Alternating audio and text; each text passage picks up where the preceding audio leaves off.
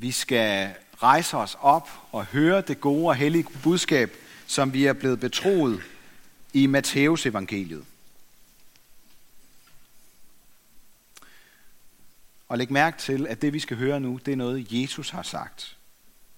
Jesus sagde, den der ikke er med mig, er imod mig. Den der ikke samler med mig, spreder. Al synd og bespottelse skal tilgives mennesker, men bespottelsen mod ånden skal ikke tilgives. Og den, der taler et ord imod menneskesønnen, får tilgivelse. Men den, der taler imod Helligånden, får ikke tilgivelse, hverken i denne verden eller i den kommende. Tag et træ. Enten er det godt, og så er dets frugt også god. Eller det er dårligt, og så er dets frugt også dårlig. For et træ kendes på frugten. Øjleyngel, hvordan skulle I, som er onde, kunne sige noget godt? For hvad hjertet er fuldt af, løber munden over med. Et godt menneske tager gode ting frem af sit gode forråd. Et ondt menneske tager onde ting frem af sit onde forråd. Men jeg siger jer, på dommens dag skal mennesker aflægge regnskab for et hvert tomt ord, de har talt. På dine ord skal du frikendes, og på dine ord skal du fordømmes. Der sagde nogle af de skriftkloge og farisererne til ham, Mester, vi vil se dig gøre et tegn. Men han svarede dem, en ond og utro slægt kræver tegn, men den skal ikke få andet tegn end profeten Jonas tegn. For ligesom Jonas var i buen på havdyret i tre dage og tre nætter, sådan skal menneskesøn være i jordens skød i tre dage og tre nætter. Men fra Nineve skal opstå ved dommen sammen med denne slægt og fordømme den, for de omvendte sig ved Jonas prædiken. Og se, her er mere end Jonas. Og sydens dronning skal opstå ved dommen sammen med denne slægt og fordømme den, for hun kom fra jordens fjerneste egne for at lytte til Salomos visdom. Og se, her er mere end Salomo. Amen. Værsgo at sidde.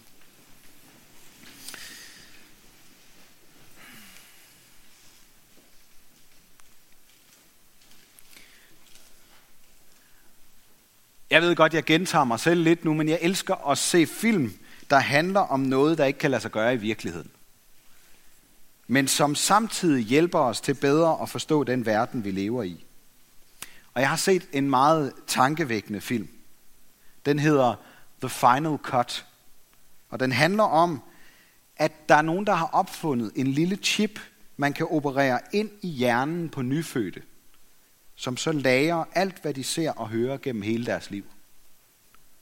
Og ved dødsfald, så kan de efterladte så kontakte en såkaldt cutter, der laver en lille film, hvor alle de forfærdelige ting fra deres liv bliver klippet fra, og alle de smukke minder bliver samlet til sådan en smuk, poleret perlerække af billeder.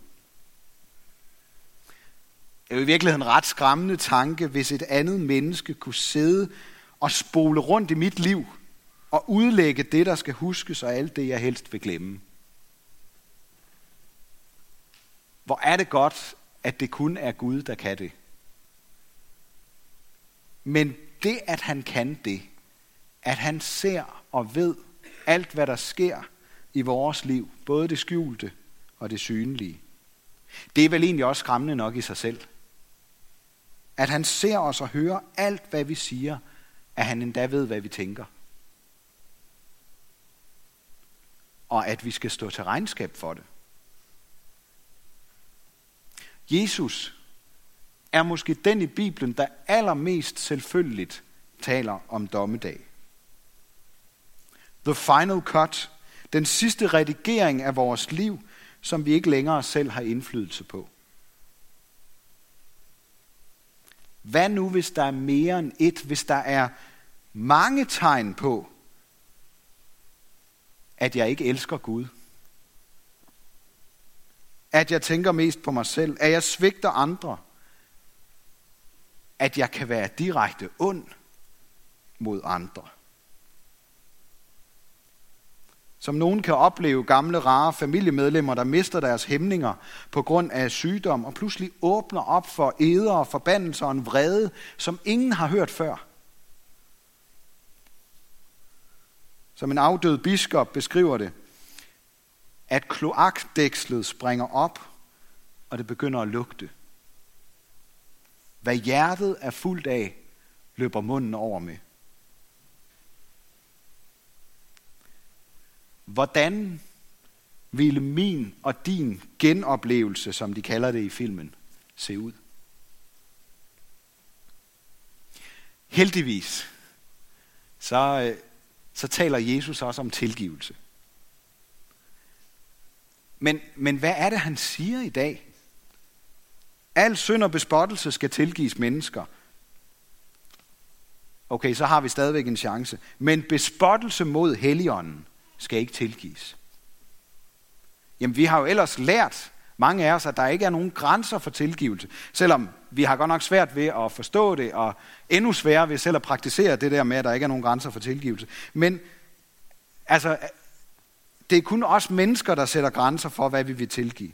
Har Gud en grænse? Hvad er det, der ikke er tilgivelse for? Kan jeg gøre noget, der for altid udelukker forbindelsen til Gud? Findes der bestemte dødssynder, som tilgivelse ikke kan overvinde? Jeg tror godt, vi ved, at der kan være konsekvenser af vores handlinger, som vi må leve med resten af vores liv, og som andre må leve med. Men er der også tilgivelse for det, vi ikke føler, vi har lov til at slippe, eller det, som vi ikke kan tilgive os selv for? Det kan godt lyde som om, det handler om at være med Jesus, eller og ikke imod ham. Altså at være med Jesus og ikke imod ham.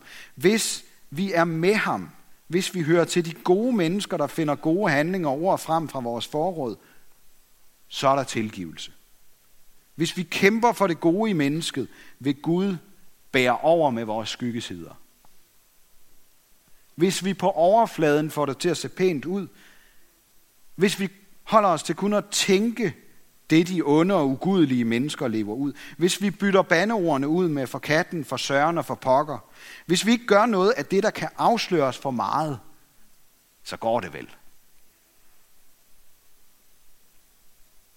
Øjleyngel, siger Jesus, uden at pynte på noget som helst. Hvordan skulle I, som er onde, kunne sige noget godt? For hvad hjertet er fuldt af, løber munden over med. Er der ikke tilgivelse for at kende sig selv og sine mørke dybder godt nok? Jo, der er tilgivelse for ikke at kende sit eget mørke. Jeg tror i virkeligheden, at nogle gange så skåner Gud os for at se, hvor galt det virkelig står til, for at vi ikke skal gå i stykker af det. For hvis vi ikke kender til tilgivelse, så kan vi slet ikke holde til at se ned i vores eget mørke. Vi skal se et helt andet sted hen for at få øje på vores eget mørke og på Guds tilgivelse. Jesus han er verdensmester i både at afsløre og vise os tilgivelsens mulighed. Tænk på, hvor ofte Jesus tilgav mennesker, der havde ødelagt deres eget og andres liv. Hvis jeg glemt det, så prøv, prøv at læse efter i evangelierne. Læg mærke til, hvor mange mennesker Jesus møder, der virkelig, virkelig har gjort det svært for sig selv. Dem kan Jesus gøre noget for.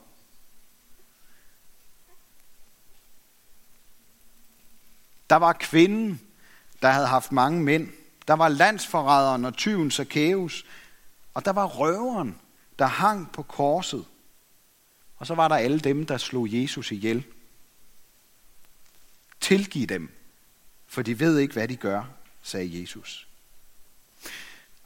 Og alligevel så kan man blive helt panisk af at tænke på, om Jamon har gjort det, som Gud ikke kan tilgive. Har jeg spottet Helligånden? Det med at tvivle på Gud og tale et ord imod menneskesønnen, det siger Jesus, det er der tilgivelse for. Men at spotte Helligånden og kalde Guds godhed for satans værk, som farisæerne gjorde, de sagde, har vi ikke ret i, at djævlen er din far? Det er der ikke tilgivelse for. Og hvorfor er der ikke det? Prøv lige at tænke efter. Hvem skal redde os, hvis Guds godhed og barmhjertighed ikke længere er nogen mulighed? Kun hvis tilgivelsen regnes som løgn og et satans påfund, og ikke bliver taget imod, er mennesker håbløst fortabt. Hold op. Det er godt nok en øh, sort prædiken i dag. Kunne vi ikke bare høre lidt om det gode i mennesket i stedet for? Det kunne vi godt. Det skal vi også på mange andre søndage. Men sagen er bare, at det gode kun får plads til at vokse frem, hvis vi ved, hvor vi skal gøre af det onde, der fylder i vores hjerte. Ellers bliver der alt for lidt plads til det gode. Det nytter ikke noget at holde det onde nede, mens vi forsøger at gøre det gode. For vi er ligesom et træ, siger Jesus. Enten er det godt, og så er frugten god, eller også er det dårligt, og så er frugten dårlig. Og hvis nogen af os så godt kunne forestille sig selv som et godt træ, så gør Jesus lige opmærksom på, at vi står til regnskab for et hvert tomt ord, vi har sagt. Så er der jo ikke nogen, der har en chance. Så er det jo lige meget, hvor kloge vi bliver, eller hvor meget vi tror på tegn og mirakler. Der er jo ingen mennesker, der kan undgå at sige tomme og ligegyldige ord en gang imellem. Og måske er det lige præcis det, Jesus prøver at forklare os i dag. Når det handler om det ondes råd, så nytter det ikke noget med et tegn, eller at lytte til visdom, eller at tage sig sammen, eller snakke om det gode i mennesket. Der skal mere til. Det handler om at høre nogle ord, der er det stik modsatte af tomme og ligegyldige. Ord, som er stærkere end alt ondt. Ord, der er fyldt med kraft og mening. Og den kvalitet har menneskeord aldrig helt, selvom det kan være mere eller mindre opbyggende, når vi lytter til hinandens erfaringer og visdom. Der skal mere end et tegn til, hvis vi ikke skal dømmes af vores egne ord. Hvis ikke Helligånden får lov til at lægge nogle andre ord i vores mund og fylde vores hjerte med kærlighed til Gud, så vil vores egne ord dømme os.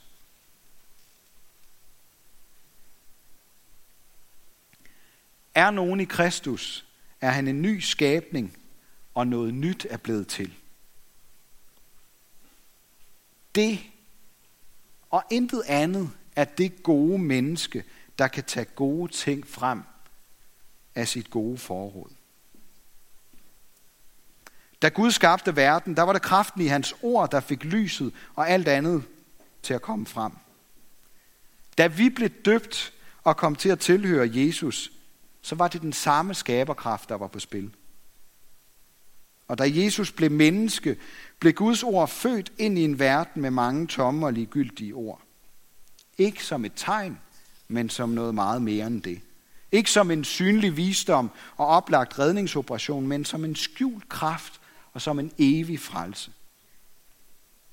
Jøder kræver tegn, og grækere søger visdom. Men vi forkynder Kristus som korsfæstet, siger Paulus. Jonas og Salomo var tegn på det, der skulle komme. De var tegn på ham, der som det eneste menneske er stærkere end alt ondt. Som Jonas var i fiskens mave i tre dage og tre nætter, før han blev kastet op på land, sådan var menneskesønnen, Jesus Kristus, tre dage i graven, før han stod op igen.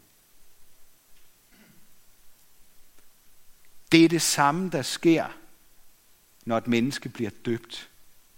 Paulus fortæller der om, om det, at så bliver vi begravet med Kristus og opstår som et nyt menneske.